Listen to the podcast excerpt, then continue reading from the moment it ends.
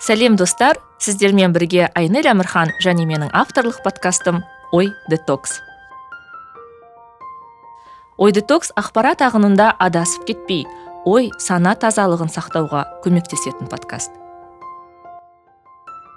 Бұл ой детокстың екінші маусымы. Өздеріңізбен аман есен жаңа жылда жаңа маусымда қауышып отырғаныма қуаныштымын. Бұл маусымда да мені толғандыратын көптеген тақырыптар аясында әртүрлі замандастарыммен сөйлесетін боламын. Ал алғашқы эпизод саясат мәселесіне арналады және осы тақырыптың қыр сырын зерделеуге маған саясаттанушы шалқар нұрсейітов көмектеседі. Біз шалқар екеуміз еліміздегі саясаттану ғылымының бүгінгі күндегі ахуалы саяси режим азаматтық қоғам мен саясатқа әсер ету жолдары туралы әңгімелестік. Әңгімеміз саясатқа мүлде қызықпайтын адамдар үшін де пайдалы болады деп сенемін. Сондықтан міндетті түрде бізді тыңдаңыздар.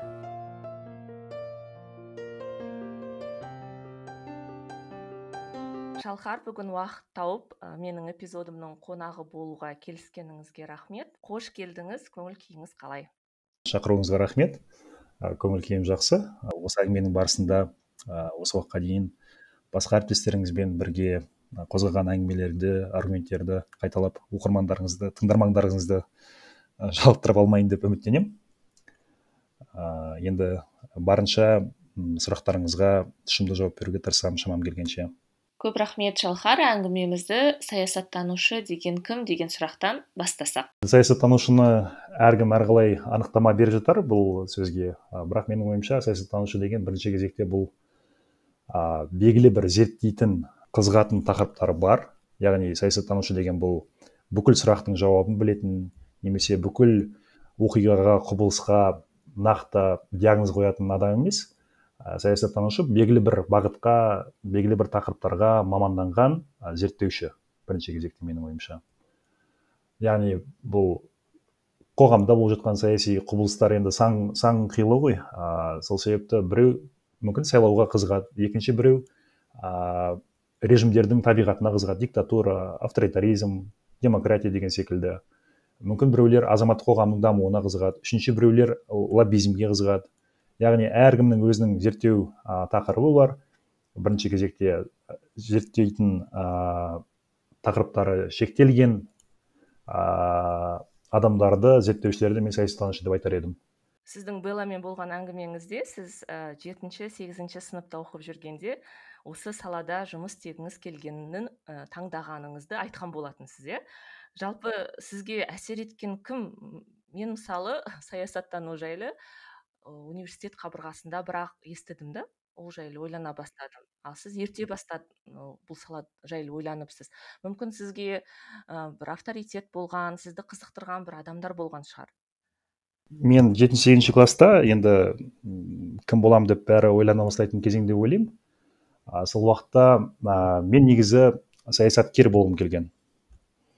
Ә, саясатқа араласқым келген ә, енді мен көп адамдар секілді менің атам да ә, партияда коммунистік партияда қызмет еткен адам болған. Мен енді атамның көзін көрген жоқпын бірақ суреттеріне қарап отырып ә, жазған хаттарына жалпы құжаттарын көріп жаңағы москвадағы алматыдағы суреттерін көріп жаңағыдай костюмде галстукте қолында папкасы бар ә, белгілі бір маңызды мәселелерді шешкен секілді әсер қалдырды.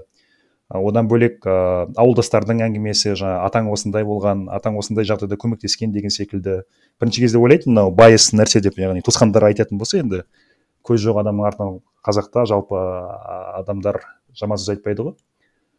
Бірақ мен ә, бізге мүлдем туыстық қарым қатынасы жоқ ә, адамдардан естіген кезде менде сондай бір өзім үшін ғана емес жалпы бір қоғамда бір орны бар позициясы бар пайда келтіре алатындай адам болғым келді.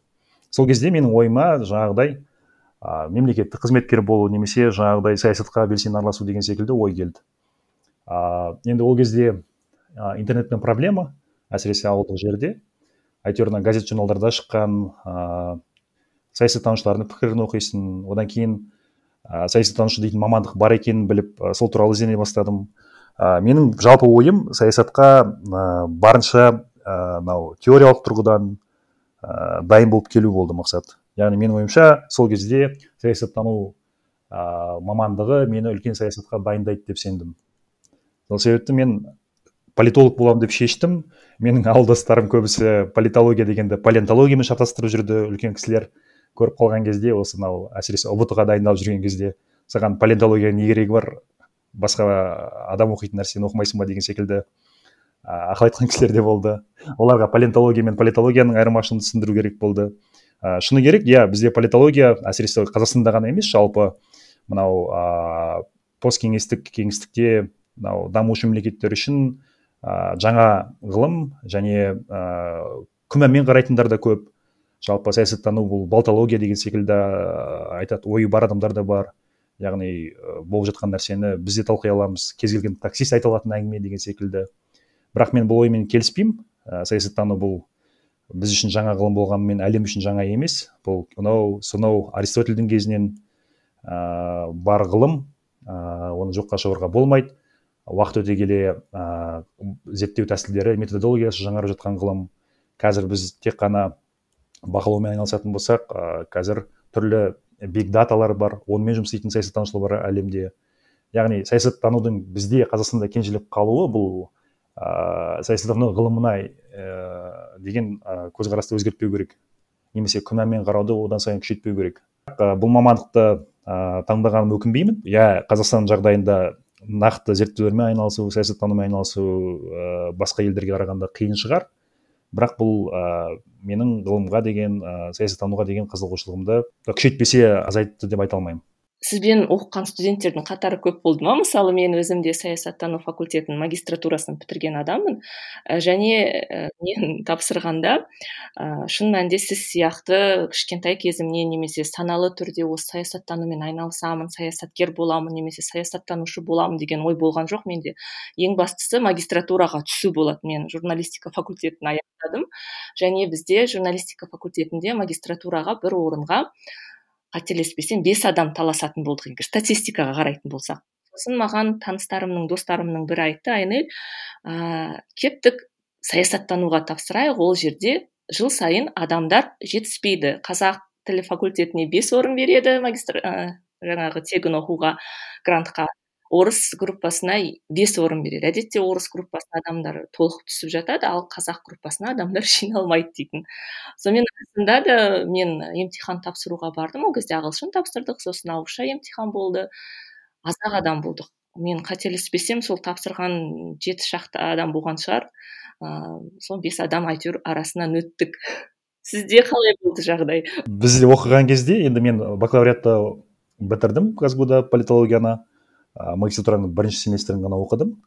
Ә, енді бакалавриаттан бастасам ә, бізде қателеспесем қазақ группасында жиырма тоғыз адам оқыдық. Жиырма тоғыз адам оқыдық. Оның он екісі грантта он жетісі платно оқыды. Ә, бізде сол кезде таңғалған көп адамдар политологияны адам қанша қалайша платно оқиды деген секілді көзқарас болған. Бірақ ә, факт солай болды. Біздің ә, кезімізде біздің группада 17 адам платно оқыды. Олардың көбісі ә, бірінші кезекте ашығын айту керек. Ә, юрфакқа казгудың заң факультетіне түсеміз деп ә, түсе алмай қалған ә, бал, бал жетпей қалған ә, азаматтар болды. Ә, олар ә, бізбен бірге оқыды политологияны. Ә, олар үнемі айтып жүрді. Жаңағыдай өзінің таңдауы емес. Ә, жалпы енді олардың ойынша олардың бағалауы бойынша престиж жағынан ә, заң факультетінен кейін ә, осы политология факультеті ә, таңдау түсті деген секілді. Иә бізде қазір ә, политологияны оқыған азаматтардың барлығы политология саласында жүр деп айта алмаймын. Біреу оқытушылықпен айналысып жүр біреу құқық қорғау орындарының қатарында жүр. Үшінші біреуі ә, шетелде phd оқып жатыр деген секілді. Санаулы азаматтар олар әрине саны көп емес. Осы тұрғысынан келгенде әрине иә бізде саясаттану ғылымына өкінішке қарай бір жақты көзқарас қалыптасқан немесе бұл ғылым әлі де ә, танымал емес бұл мен бірінші кезекте біздегі режимнің табиғатымен тікелей байланысты деп ойлаймын. Өйткені саясаттану бұл бірінші кезекте критикалық ойлауға жалпы кез келген елде болып жатқан саяси процеске ә, сын көзбен қарауға үйрететін мамандық. Ә, бұл кез келген авторитарлық режим үшін ә, кез келген ә, диктатуралық билік үшін мынау ә, әлеуметтік ғылымдар бір жау секілді көрінеді. Өйткені әлеуметтік ғылымдар бірінші кезекте бұл ә, нақты ғылымдар секілді саясатқа тікелей қатысы болмаса да басқа енді жағдайларды зерттейді ғой. Ал әлеуметтік ғылымдар мынау тікелей ә, биліктің табиғатына байланысты биліктің шешімдеріне қатысты мәселелер зерттейтін болғаннан кейін ә, көбінесе ұнай бермейді. Ә, менің ойымша бұл да әсер етпей қоймайды. Жалпы азаматтардың осы саясаттану туралы хабардар болуына саясаттану туралы пікірінің қалыптасуына бәріне ықпалы бар деп ойлаймын. Ә, одан кейін ә, мен төрт жыл оқып бітіргеннен кейін жұмыс істеу немесе ары қарай жалғастыру деген секілді кез келген адамның алдында тұратын сұрақ тұрды. Мен бірінші казгудың магистратурасын тапсырып көрдім. Ыыы ашығын айтайын мен ол кезде төртінші курс бітіргеннен кейін ә, бір партияның қатарында немесе әкімшілікте жұмыс істегім келген жоқ. Мен ә, уақыт ұту үшін бір дұрыс шешім қабылдайын деп магистратураға қабылдандым құжат тапсырдым. Бағыма орай тесттен өтіп ә, магистратураға грантқа түстім. Одан кейін ә, оқып жүріп мен білімді шетелде жетілдіргім келді. М сол кезде болашаққа бағым жанып болашақ бағдарламасымен ыыы ақш та оқуға мүмкіндік алдым. Онда да мен политологияны қатты алыстаған жоқпын. Ыыы саяси коммуникация мамандығын оқыдым. М өкінбеймін ол мамандық таңдағаныма. Ыыы енді жалпы ыыы бізде саясаттану ғылымының жарқын сәті бұл ыыы тоқсаныншы жылдар болған шығар деп ойлаймын. Яғни саясаттану ғылымының қалыптасу кезеңі. ыыы ол кезде мұстафин деген секілді үлкен ә, ғалымдар болған. Сол кісілер саясаттануды қалыптастырған кезде бұл енді елдегі саяси процестермен тікелей байланысты деп ойлаймын. Өйткені бізде де бір отыз жылдық тарихымызда демократияның бір алтын кезеңі қай кез болды десек сол тоқсаныншы жылдардың басын айтсақ болады. Осынау қайта құру кезеңінен кейін қазақстан бір эйфорияда болған кезде азаматтардың барлығы бір ә, жаңа тыныс алғандай болды бүкіл қоғам ел. Сол кезде де саясаттануда бір үлкен ә, азаматтардың үміті болды деп ойлаймын. Ал қазақстанда қазір саясаттануға адамдардың көңілі қалса немесе үлкен күмәнмен қарайтын болса ол міндетті түрде қазіргі саяси режиммен байланысты деп ойлаймын. Жалпы сіздің жаңағы вашингтон университетінде оқып жүргендегі төрт жылдық төрт жыл оқыдыңыз ба? Қанша жыл оқыдыңыз? А, мен а, екі жыл магистратура оқыдым бір жыл менде дайындық болды. Сол жылдар сіздің көзқарасыңызды өзгертуге қандай да бір түрткі болды ма? Немесе сіздің ә, жаңа қалыптасқан қағидаларыңызды одан бетер нығайтуға мүмкіндік берді ма? Жалпы қалай әсер етті сол жылдар сізге?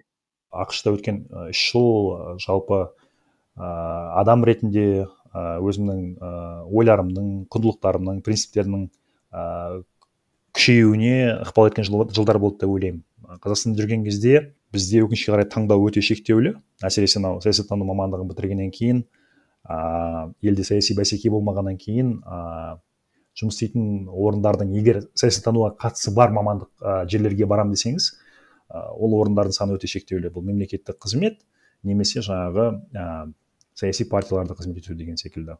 Ал енді ақшта ә, оқыған жылдары бұл бірінші кезекте әлеуметтік ғылымдар саласында жүрген азамат үшін ә, бірінші кезекте мынау объективтілік деген нәрсе өте маңызды екені ә, маңызды екеніне көзім жетті. Ә, өйткені ә, өзіңді саясаттанушы деп ә, таныстырып және белгілі бір саяси партияның немесе мемлекеттік қызметте жүріп объективті болып қалу қиын. Өйткені конъюнктура бар жалпы қызметтік ә, шектеулер бар. Бұның барлығы адамның объективті болуын ә, шектейді.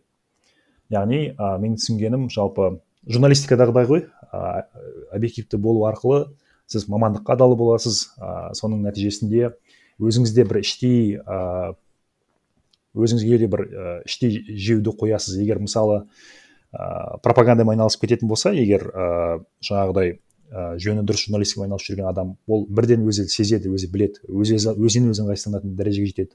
Сол секілді саясаттануда да ә, объективті болмай ә, бір жаққа тартып кету бұра тартып кету бұл ә, адамның адам ыңғайсыз жағдай тудырса ә, онда ол жақсы деп ә, жақсы сигнал деп қабылдаймын. Өйткені ә, бұл әлі күнге дейін адамның бойында ә, объективті болуға деген талпыныстың өшпегендігін көрсеткіші деп ойлаймын. Бірақ ә, өкінішке қарай енді ортаға да тығыз байланысты. Мысалы қазақстанда мен енді сол 22, 21-22 жасымда қазақстаннан сыртқа шығып кеткенімді бағыма орай деп бағалаймын. Өйткені сол уақытта әсіресе адамның адам ретінде ғана емес азамат ретінде қалыптасуына да бір әсер ететін кезең деп ойлаймын енді мен субъективті пікірім. Мынау елдегі жағдайға сырт көзден сырттан қараған кезде шамалы күнделікті күйбең тіршіліктен алыста отырып қараған кезде қаншалықты біздің ел ретінде қоғам ретінде дұрыс емес бұрыс жолмен кетіп бара жатқанымызды көргендей болдым.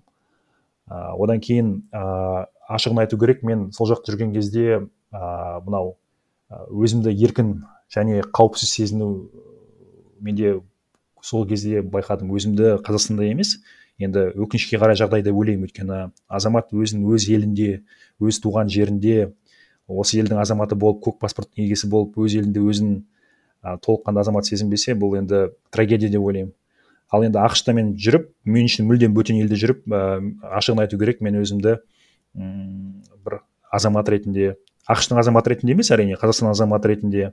Жалпы менде құқықтарым бар екен ол туралы жиі айту керек екен ә, сезінгендей болдым. Ә, бұл енді мүмкін академиялық ортада жаңағы ә, профессорлардың ә, бірге оқыған азаматтардың ықпалы шығар. Ә, немесе сол қоғамдағы процестерді сырттай бақылап жүргеннің өзінде де мүмкін менің санама әсер еткен шығар. Менің ә, бір түсінгенім жалпы саяси режим мемлекеттегі. Бұл ә, бүкіл ә, басқа саладағы құбылыстарға үдерістерге әсер ететін ә, дүние. Яғни демократиялық режим болатын болса онда ол жерде креатив те болады ол жерде ғылым да болады ол жерде ә, азаматтық қоғам да болады. Ал енді өкінішке қарай қазақстан жағдайына сол жақтан қарап жүріп ә, бізге де біздің ә, азаматтар да америкалықтардан еш кем емес екен. ә, біздің азаматтардың да ә, демократиялық қоғамда өмір сүруге лайық екен. Ә, жалпы ә, әсіресе 2016 жылғы президент сайлауы кезінде хиллари клинтон мен трамп екеуі таласқан кезде ә, сол кезде де ә, өте көп үлкен ә, пікірталастар болды. Ә, сол кезде ә, бақылап отырып сол пікірталасқа араласа отырып м саясат туралы азаматтар мейлінше көбірек ә, қызыққан сайын көбірек саясатқа араласуға мүмкіндік алған сайын ә, мемлекеттің алға жылжуы мүмкін екеніне көзім жетті. Ә, мысалы он алтыншы жылы америка тарихында бірінші рет әйел азамат елдегі ең үлкен саяси қызмет президенттік қызметке кандидат болды. Бұл үлкен бір америка үшін енді қазіргі таңда ең ірі демократиялық мемлекеттердің бірі ретінде саналатын америка үшін бұл үлкен тарихи құбылыс болды. Бұл енді барак обама қара нәсілді алғашқы президент болатын болса хиллари клинтон тұңғыш әйел президент болуы мүмкін деген үміт басым болды ол кезде. Ол үміт ақталмаған кезде біз түнгі бір екіге дейін ә, басқа студенттермен бүкіл кампустың ішінде сайлау нәтижесін күттік талқыладық. Сол кезде бірден студенттер ә, шығып ә, кішігірім митинг ұйымдастырды өздері талқылады неге олай болды. Әлі күнге дейін мынау ә, америкадағы мизогинистік ә, көңіл күй басым бізде жаңағы әлі күнге дейін тек ер азаматтар ғана елдің тарихын шешу шешіп отыр деген секілді пікірталастар болды ә, жылағандар болды.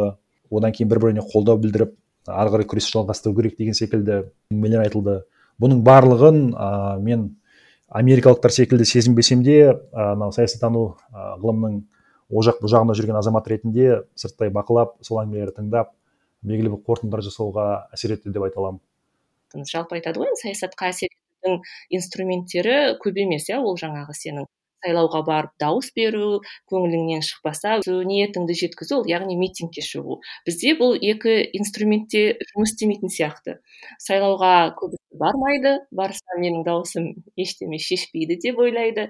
Екінші жағынан жаңағы көңіліне бір нәрсе шықпай жатса оны митингке барып білдіру ол заңға заңды бұзу немесе оғаш қылық сияқты. Жалпы саясатқа әсер етудің бұдан басқа инструменттері бар ма бізде? Ең тиімді жалпы ә, саяси компромисске келудің жолы бұл сайлау адамзат баласы әлі күнге дейін. Мынау ә, миллиондаған азаматтардың өміріне әсер ететін саяси шешім қабылдайтын жалпы билік транзитінің бейбіт жолмен өтуін ә, қамтамасыз ететін басқа жол ойлап тапқан жоқ. Әділ ашық сайлаудан басқа. Біз түптің түбінде осыған келуге әрекет етуіміз керек. Яғни бұл біз қазір бізде сайлау жоқ ә, болып біз басқа жолды іздеуіміз керек деген нәрсе емес. Керісінше біз одан сайын осы әділ ашық сайлаудың болуын сайлаулардың жиі болуын қазір сайланбайтын әкімдердің ауылдың емес мынау әсіресе ыыы үш мың төрт мың тұратын ауылдың әкімдерінің сайлауының өзі бізде әлі күнге дейін ә, билік үшін бір үлкен қорқынышты деңгей сұрақ болып тұр. Сайлау деген не? Бірінші кезекте бұл әрбір сайланған мемлекетке келген жалда, қызметкер өзін жалдамалы қызметкер ретінде сезіне бастайды. Мынау сайлаушылардың көңілінен шықпасам ертең бұлар екінші рет мені сайламай қояды деген ә, ода жеке бір ә, мотивация болады. Мысалы жұмыс беруші секілді ғой. Жұмыс беруші өзіне бір адамды жұмысқа жалдағаннан кейін үнемі одан нәтиже талап етеді. Өйткені оған ақша төлеп отыр оған ә, бизнесі жанып бара жатыр немесе жұмыс уақытында біту керек ә, талап қойып отырады. Яғни азаматтар үшін де қызметте отырған азамат үшін де сайланған азамат үшін де бұл өте тиімді процесс. Ал енді авторитарлық бұл қазақстан үшін ғана емес бүкіл авторитарлық мемлекеттерге тән жағдай. Сайлау ашық және әділ өтпейді. Ә, бірінші кезекте бұл ә, сайлау билікте отырған азаматтардың билігін жалғастыру үшін. Яғни көбінесе бұл гибрид ә, авторитарлық режим деп аталады немесе электоралды ә, авторитаризм деп аталады. Яғни сайлауды ә, өзінің билігін ұзарту үшін халықаралық қауымдастықтың алдында жаңағы маскасын сақтап қалу үшін жаңағыдай сайлауды өткізу үшін өткізеді. Яғни белгілі бір кезең сайын сайлау өтіп тұрады. Оны халықаралық ұйымдар әділ деп мойындамайды бірақ ол нәтижеге ешқандай әсер етпейді. Сайлау өтті ыыы мысалы түркменстанда да сайлау болады өзбекстанда да сайлау болады. Сол себепті бұл жерде сайлау ә, осындай сайлаудың болуы бұл сайлауға деген ә, үміттің сайлауға деген сенімнің ә, өшуіне себепкер болмау керек. Керісінше бізде де ашық әділ сайлау өтуге деген ә, талпынысты күшейту керек. Ә, күресті күшейту керек. Саясатқа енді сайлау мен митингілерден басқа әсер, ететін ә, жолдар өте көп. Бұл әсіресе мынау ә, енді әлеуметтік желілердің арқасында бізде ә, енді фейсбуктың арқасында көптеген резонансты оқиғалар жабулы қазан жабулы күйінде қалуы мүмкін еді. Бірақ азаматтардың резонансты болуының арқасында бізде түрлі қылмыстық істер түрлі азаматтардың құқығын аяққа таптау деген фактілері әшкере болып олар кейін сотқа дейін жетіп сот ә, азаматтардың пайдасына шешімдер шығарған кезеңдер де болды.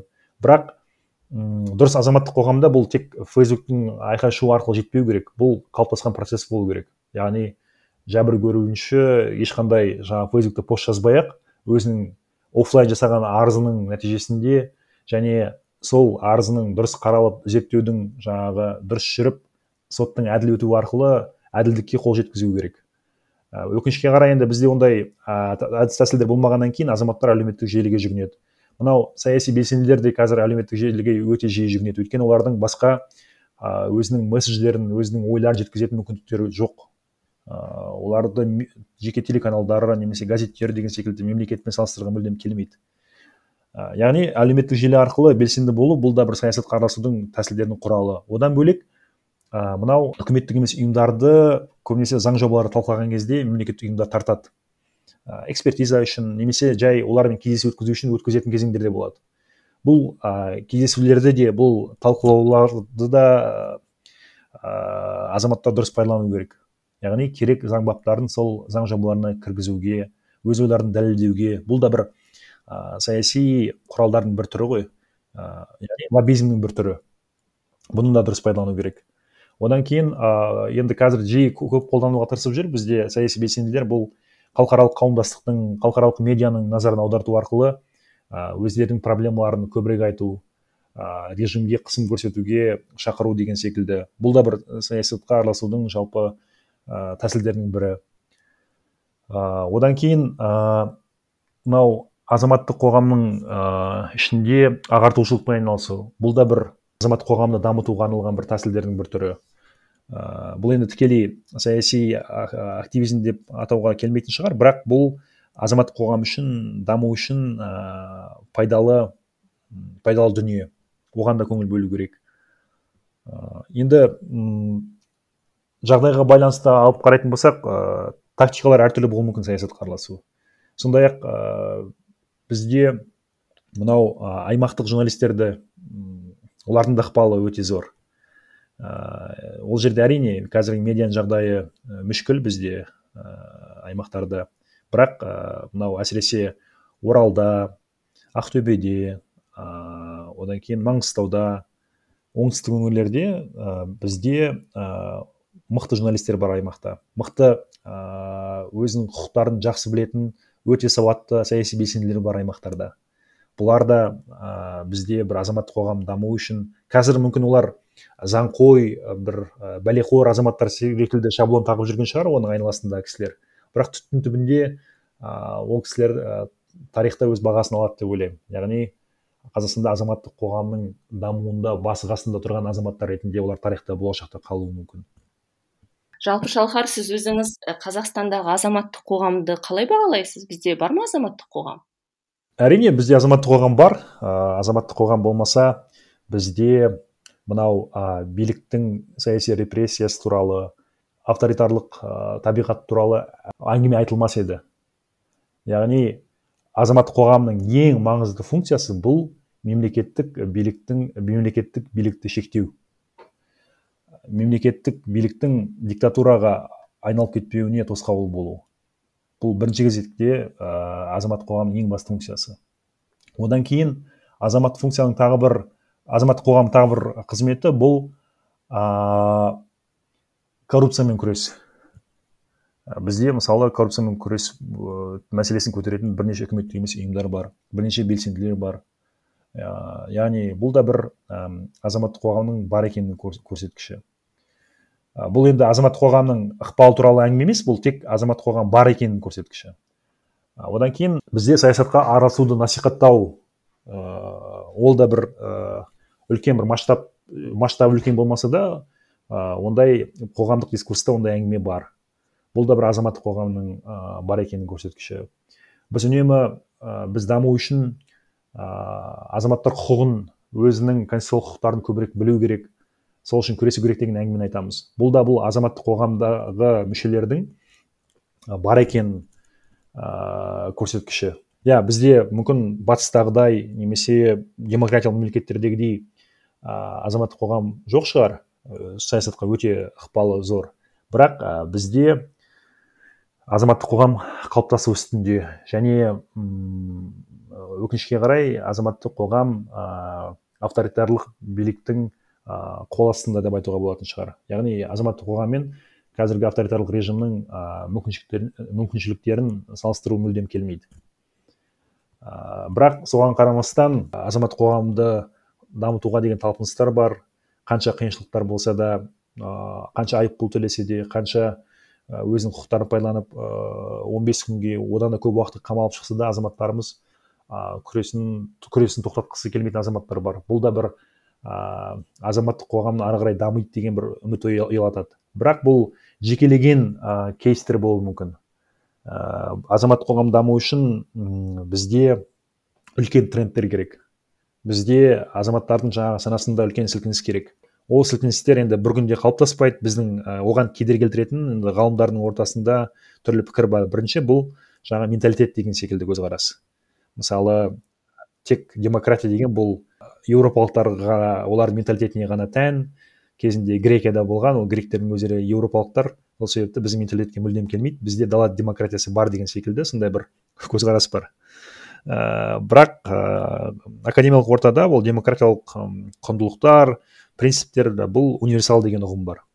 Яғни азаматтардың барлығы адамның табиғаты ә, өзінің жаңағыдай құқығын тапталмауға өзін азамат адам ретінде сезінуге талпынысы бар. Өзін басқалардың құрметпен қалағанын қарайды деген секілді бұл адамның табиғатына барлық адамның ұлтына нәсіліне жынысына қарамай барлығының табиғатына тән нәрсе жаңағы дигнити дейді ғой ағылшынша айтқанда. Ар ожданы бар азаматтың. Ал ар ожданның сақталуы тапталмауы қор болмауы бұл тікелей жаңағыдай азаматтардың конституциялық құқықтың сақталуына байланысты. Бұл айналып келген кездегі демократия мәселесіне келіп тіреледі. Одан кейін ең үлкен фактор қазақстан азаматтық қоғамның кенжелеп қалуына әсер ететін бұл біздегі ә, мынау авторитарлық диктатуралық мұра совет одағынан қалған. Одан бөлек біз совет одағына дейін ә, хандық формацияда өмір сүрген қоғамбыз. Яғни тайпалық рулық қарым қатынастар негізінде бізде хандық басқару жүйесі болды. Одан кейін мынау ә, кеңес одағы болды диктатура тоталитаризм.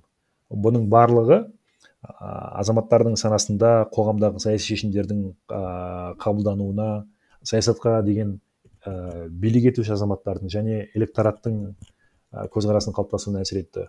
Яғни әлі күнге дейін бізде мынау жалпы хандық одан кейін мынау тоталитарлық мұрада біздің мынау азаматтық қоғам туралы жалпы елдегі саяси процесс туралы көзқарасымыздың қалыптасуына әсер етуі мүмкін.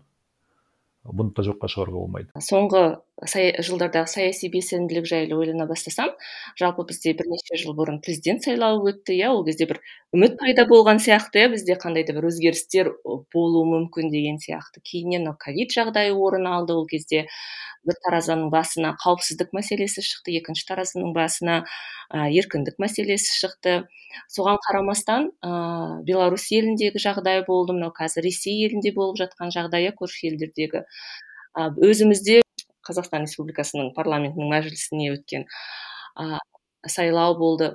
Жалпы мен өзім ә, рефлексия дейді ғой иә ойлана бастасам бізде бір саяси белсенділік артып келе жатқан сияқты. Жалпы сіз үшін осы соңғы бірнеше жыл қандай жыл болды саяси тұрғыдан? Сізде қандай да бір рефлексия болды ма осы тақырып аясында? Әрине бір, бірден көзге түсетін нәрсе бұл. Бізде саяси анау әсіресе енді ақпараттық сахна деп айтсақ болатын шығар енді өйткені ол азаматтар қазір билікте жоқ бірақ мынау ақпараттық саяси кеңістікте бізде жастар пайда болды. Бұл әсіресе мынау екі мың он тоғызыншы жылдың он тоғызыншы наурызында назарбаевтың президенттік биліктен кетуімен тығыз байланысты. Азаматтар бір ә, әсіресе мынау тәуелсіздік кезеңінде туылған тоқсан бірінші жылдан тоқсаныншы жылдан бері қарай туылған азаматтар ә, жаңа бір тарихи кезең басылғандай бір ә, максимализммен қарсы алды бізде және ә, бізде саяси белсенділіктің соңғы екі үш жылда кішігірім артқанның көрсеткіші бұл ә, бізде ә, митингілер санының ә, протесттердің санының артқандығының ә, көрсеткіші. Егер нақты мәліметтерге сүйенсек мысалы ә, орталық азиядағы протесттерді үнемі есеп, есепке алып отыратын oxford society for central asian affairs деген ә, ұйым бар. Солардың мәліметі бойынша мысалы 2019 жылы бізде 235 протест болған. Саяси протест болған. Бүкіл бұл алматы астана ғана емес бүкіл қазақстан аймағында. Одан бөлек бұл енді бір адам шыққан пикеті де болуы мүмкін. Ә, одан кейін елу төрт протест болған бізде 2020 жылы. Яғни ә, енді үлкен сан емес шығар бірақ 19 протест көбірек болған 2020 жылы. Одан кейін одан кейінгі жылдармен салыстырсақ мысалы 2015 жылы ә, бізде 71 протест болған. 2016 жылы мынау жер дауы болған жылы жер митингтер болған кезде елу екі бізде протест болған. Енді бұл жаңағы ұйымның мәліметі бойынша. Одан кейін екі мың он жетінші жылы отыз алты ма отыз жеті ма бір қырыққа жетпейтін протест болған. екі мың он сегізінші жылда сол жобада бір отыз отыз екі. Ал енді соңғы екі жылды қарайтын болсақ екі мың он тоғыз екі мың жиырма. Екі жүз отыз бес екі жүз елу төрт. Яғни бірнеше есе өскенін көреміз бізде саяси процестердің. Бұл ә, азаматтардың жалпы ыыы шаршағанның көрсеткіші ғой енді. Мынау осы уақытқа дейін отыз жыл бойы бір режимнің басқаруымен одан кейін әлеуметтік жағдайдың нашарлауы бар ыыы бұның барлығы айналып келіп ыыы азаматтардың жалпы протест әсіресе мына жерде екі мың он тоғыз екі жылдары бізде көпбалалы аналардың протесті өте көп болды. Яғни олар да осы басым көпшілігі осы соларда болуы мүмкін. Екі мың он тоғызыншы жылдары болған екі жүз отыз бес протесттің ішінде. Одан кейін тағы да бір ескеретін жайт бізде енді алматы мен астана деп қараймыз ғой көбінесе. Одан бөлек бізде мынау ақтау қарағанды шымкент қызылорда жаңаөзен ақтөбе ә, павлодар мына әсіресе өндірістік қалалар ол жақта протесттер өте көп болады. Бұл да бір қалыптасуын көрсететін бір трендтер деп айтуға болатын шығар. Ә, одан кейін бұл протесттердің өзі 2019 жылы қырық тоғыз яғни елу пайызға дейінгісі жаңағы екі жүз отыз бес процесстің бұл азаматтардың құқығына байланысты болған азаматтардың құқықтарының бұзылуына қатысты болған. Бұл да бір үлкен бір тренд деп айтуға болады. Яғни бізде көбінесе жаңағы көпбалалы аналар әлеуметтік жағдай мәселесін көтерді ғой. Олар әділ сайлау немесе жаңағы саяси тұтқындарға бостандық деген секілді мәселені көтерген жоқ. Олар өздерінің әлеуметтік мәселесін көтерді.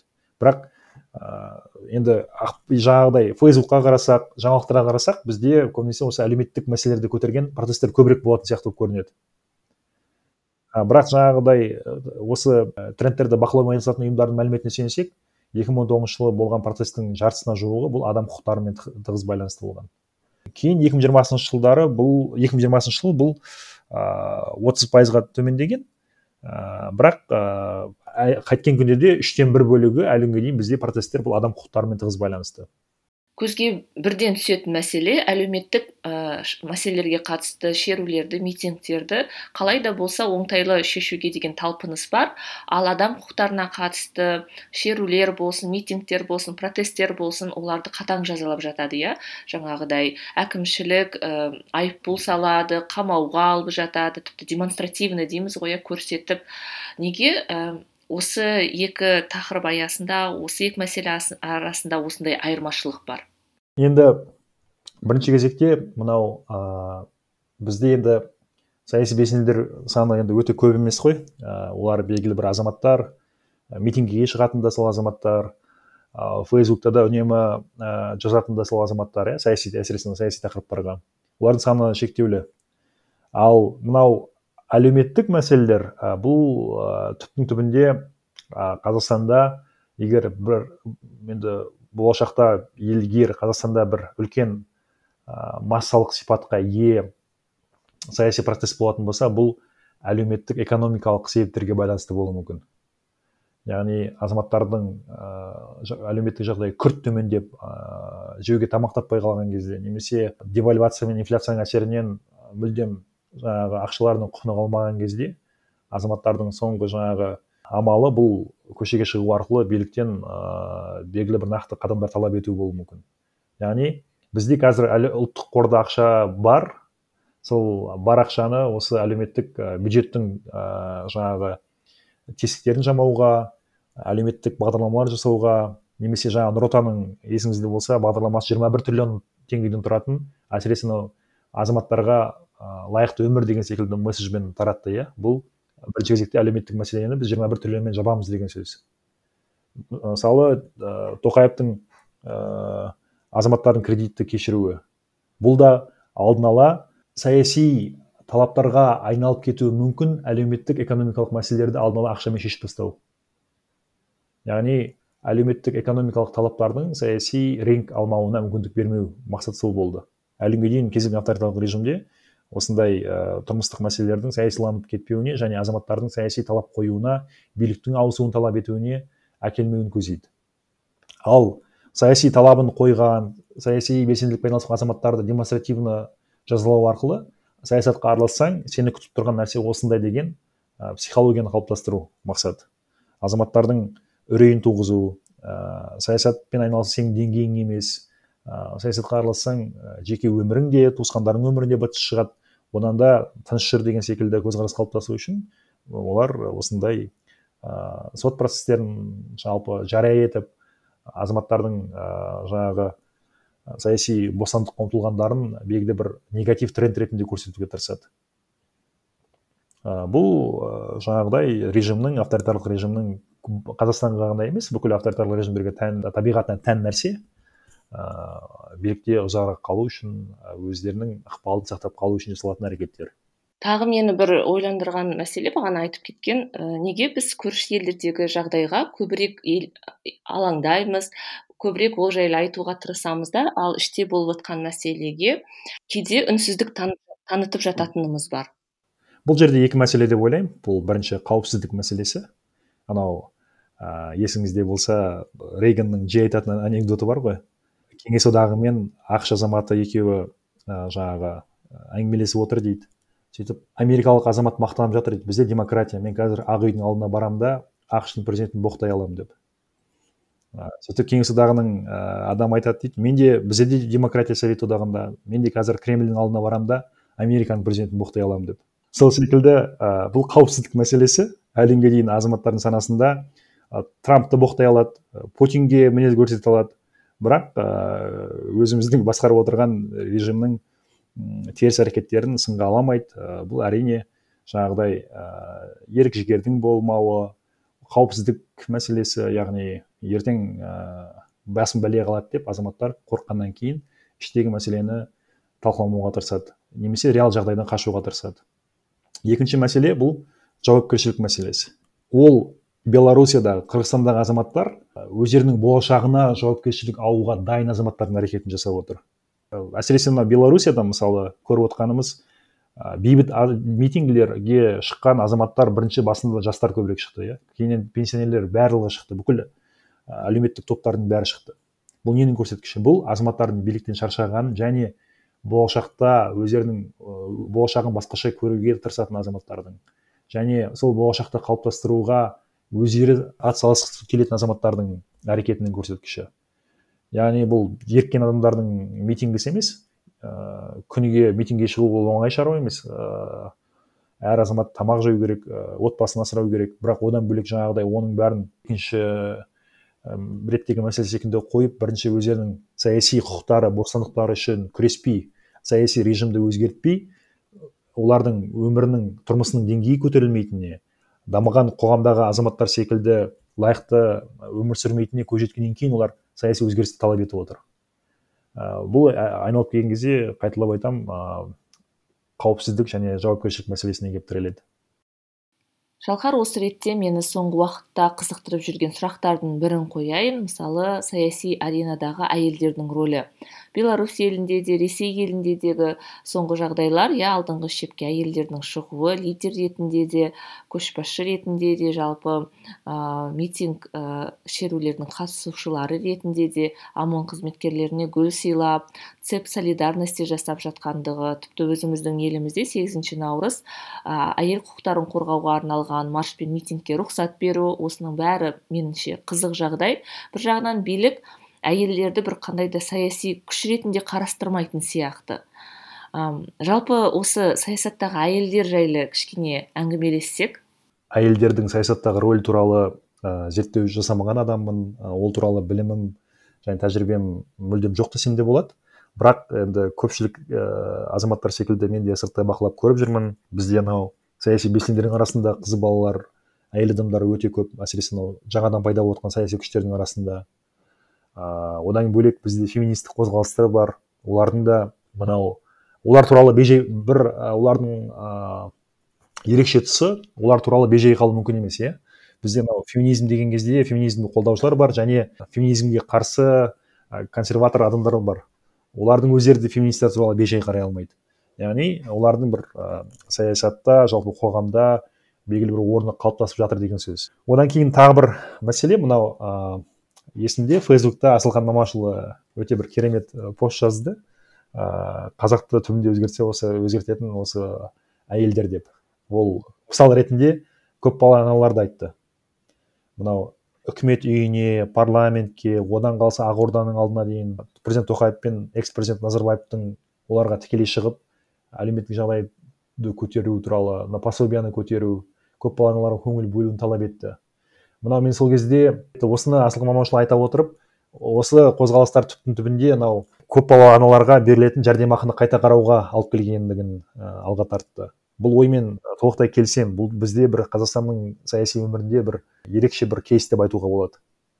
Одан бөлек бұл көпбалалы аналардың әрекеттерінде мен қазақстанның осы уақытқа осы соңғы кезеңдерінде болмаған ә, саяси активизмнің бір ұйымдасқан түрін көрдім.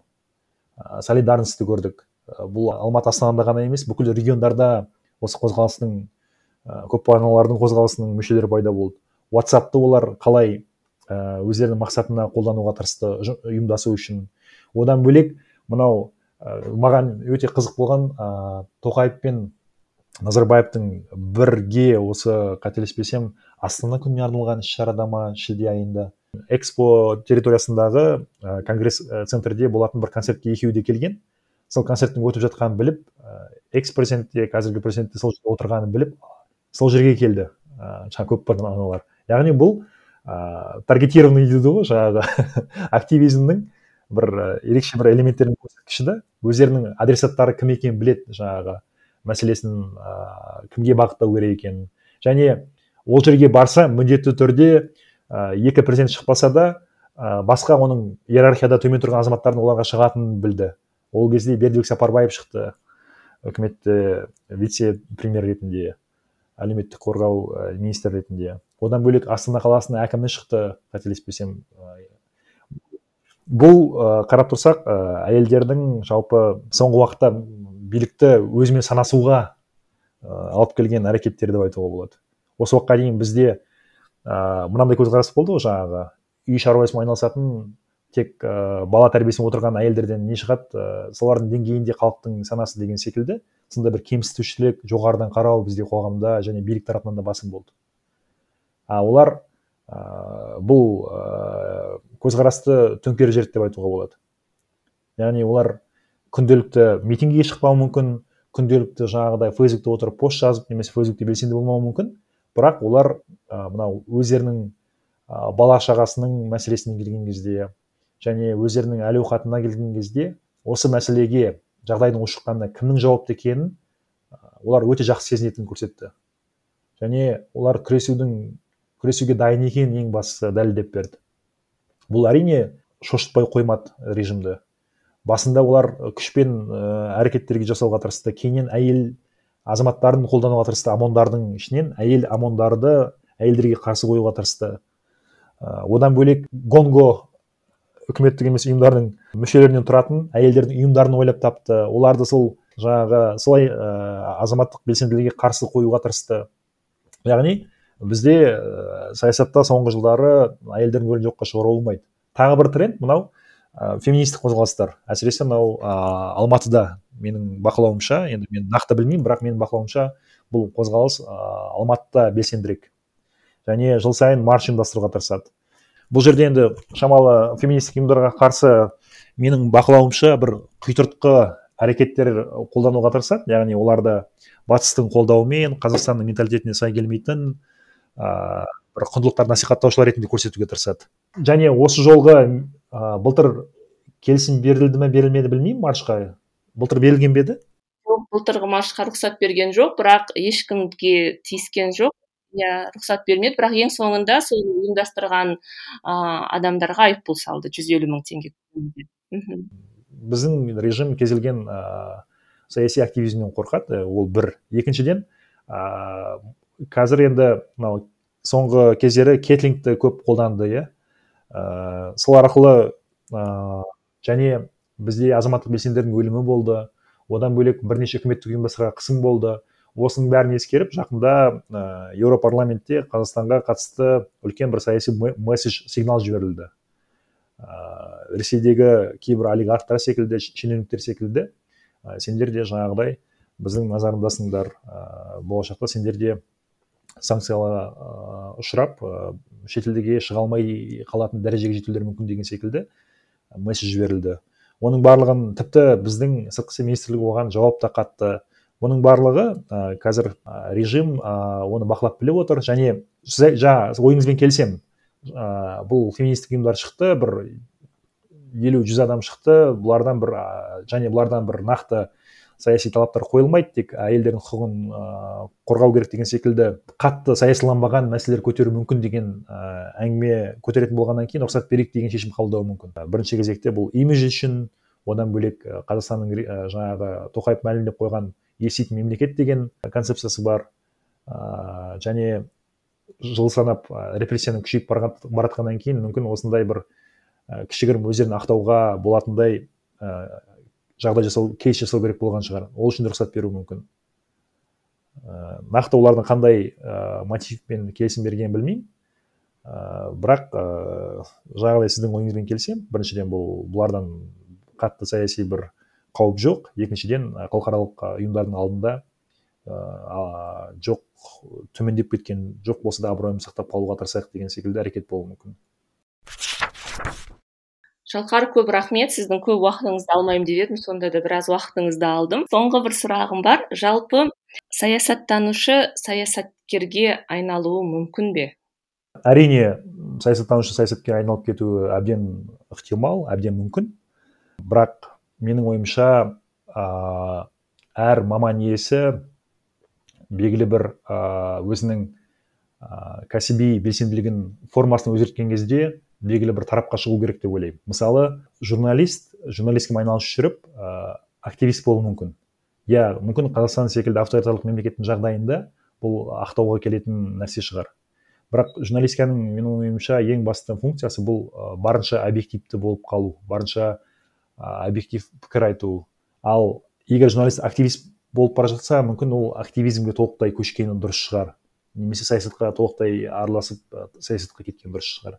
Сол секілді саясаттанушы әрі саясаткер әрі саясаттанушы болып жүретін болса ал әрине ол өзінің таңдауы. Бірақ жаңағыдай онсыз да қазақстан жағдайында саясаттануға деген көзқарастың қандай екенін білеміз. Ғылымға деген көзқарастың қандай екенін білеміз. Және осы ғылымға көлеңке түсірмеу үшін. Менің ойымша саясаттанушы саясатқа араласса онда сол саясаткер болып біржолата кеткен дұрыс шығар. А егер ә, екі тарапта жүретін болса бұл әрине оның саяси таңдауына ешкім шектеу қоя алмайды. Бірақ бұл жерде айналып келген кезде сол этика мен мораль мәселесі деп ойлаймын. Сол себепті иә бұл жерде шекара өте өте жіңішке. Ә, және ол ә, қай тарапқа шығатыны әр адамның өзінің таңдауы деп ойлаймын. Бізде қандай саясаттанушылар бар? Ә, енді бізде көбіне саясаттанушымын деп айтып жүрген азаматтар көбісі пандиттер ғой. Азаматтардың пікірін қалыптастыруға тырысатын биліктің месседжін тарататын азаматтар көбінесе. Ә, олар академиялық дайындығы болмауы мүмкін саясаттанушы ретінде. Ол тарихшы болуы мүмкін ол экономист болуы мүмкін ол ә, халықаралық қатынастың маманы болуы мүмкін.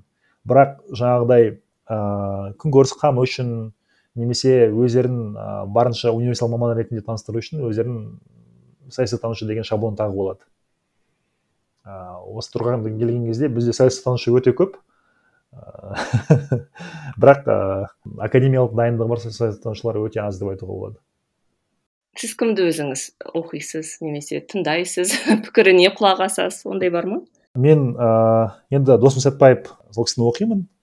Ә, ол кісінің осы уақытқа дейін тәуелсіз позиция сақтап қалғаны үшін құрметпен қараймын. Өйткені қазақстан жағдайында ә, саясаттанушылардың қызметіне ә, сұраныс өте төмен. Сұраныс болған күннің өзінде де ол биліктің тарапынан болады. А биліктің тарапынан сұраныс болғаннан кейін тәуелсіз болып қалу және объективті болу өте қиын. Сол себепті ә, осы тұрғыдан келген кезде мен ә, досым сәтбаевқа үлкен құрметпен қараймын. Одан бөлек ә, бізде мынау жас эксперттер бар. Ә, жас болғанда енді бұл эйджизм болмасын бірақ мынау ә, басқа өзін саясаттанушымын жүрген азаматтарға қарағанда мынау ақпараттық ә, кеңістікке соңғы жылдары шығып жатқан азаматтар қыздар жігіттер өте көп. Олар шетелде оқып келген олар белгілі бір үкіметтік емес ұйымдарда жұмыс істеп жүр немесе олар ә, медиаға көп шықпайды. Бірақ ол жоқ деген сөз емес. Олар ә, енді кейбіреулер мүмкін ә, қазақи ортаға таныс емес, шығар. Өйткені олар ә, олардың бірінші тілі мүмкін орыс тілі болғаннан кейін. ә, мүмкін оларды уақытша әзірше танымайтын шығар. Бірақ олардың да өз орны бар ғылыми ортада академиялық ортада халықаралық эксперттер оларды таниды. Олардың ойымен пікірімен санасады. Ыыы ондай азаматтар мысалы мынау лаб деген ұйымның айналасында жүр. Ондай азаматтардың бірі ретінде мысалы кезінде білік брейнс деген ұйым болған соның мүшелері бар. Оның басқасында жүрген мысалы данияр қосазаров деген жігіт бар. Бізде жалпы шетелдік тәжірибесі бар шетелдік академиялық ортамен тығыз қарым қатынаста азаматтар бар. Және олардың осы қоғамдық дискурсты қалыптастыруға дискурсқа келіп ә, азаматтық қоғамды қалыптастыруға да ықпалы болады деп ойлаймын. Бұның барлығы уақыттың еншісіндегі дүние деп ойлаймын. Ең бастысы ол азаматтардың ғылыммен айналысуына және өздерінің ойын ашық айтуға ә, кедергілер болмау керек. Сонда ғана ол азаматтардың пікірлері ойлары жай ә, пікір ғана емес. Сонымен қатар біздің ой өмірімізді өзгертетін заңдар түрінде қалыптасуы мүмкін болашақта. Немесе ә, белгілі бір мүмкін біздің конституция болашақта өзгеретін шығар. Сол конституцияны қалыптастыратын азаматтар мүмкін осы сол азаматтардың қатарында жүр. Яғни ә, бізде саяси өзгеріске шынайы талпыныс жасалатын болса ол талпынысты жасауға интеллектуалдық еңбек жасауға араластыруға болатын ә, азаматтар ә, баршылық деп айтар едім. Рахмет шалқар. Біраз нәрсенің басын шалуға мүмкіндігіміздің болғанына рахмет. Сізге енді ұзақта уақыт ә, саясаттанушы болып қалуыңызға тілектеспін. осы салада шын мәнінде біз комментарий алуға қандай да бір сұхбат алып тілдесуге өзіңіздей адамдардың болғаны біз үшін үлкен артықшылық шын мәнінде. Өйткені көбісі орыс тілді өзіңіз жаңа айтып өткендей ал қазақ тілінде түсінікті ақпарат беретін ә, мамандар өте аз. Сондықтан сіздің көбірек саясаттанушы болып қалуыңызға тілектеспін.